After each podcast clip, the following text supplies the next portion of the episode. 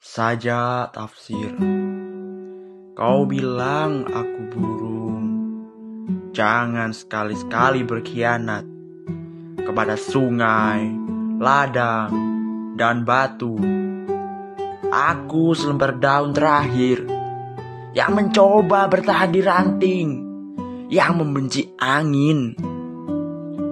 Aku tidak suka membayangkan keindahan kelebatan diriku yang memimpikan tanah. Tidak mempercayai janji api yang akan menerjemahkanku ke dalam bahasa abu.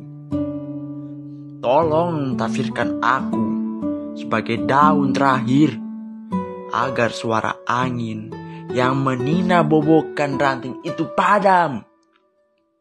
Tolong, tolong tafsirkan aku sebagai hasrat untuk bisa lebih bersamamu. Tolong, tolong ciptakan makna bagiku. Apa saja, aku selembar daun terakhir yang ingin menyaksikanmu bahagia ketika sore tiba.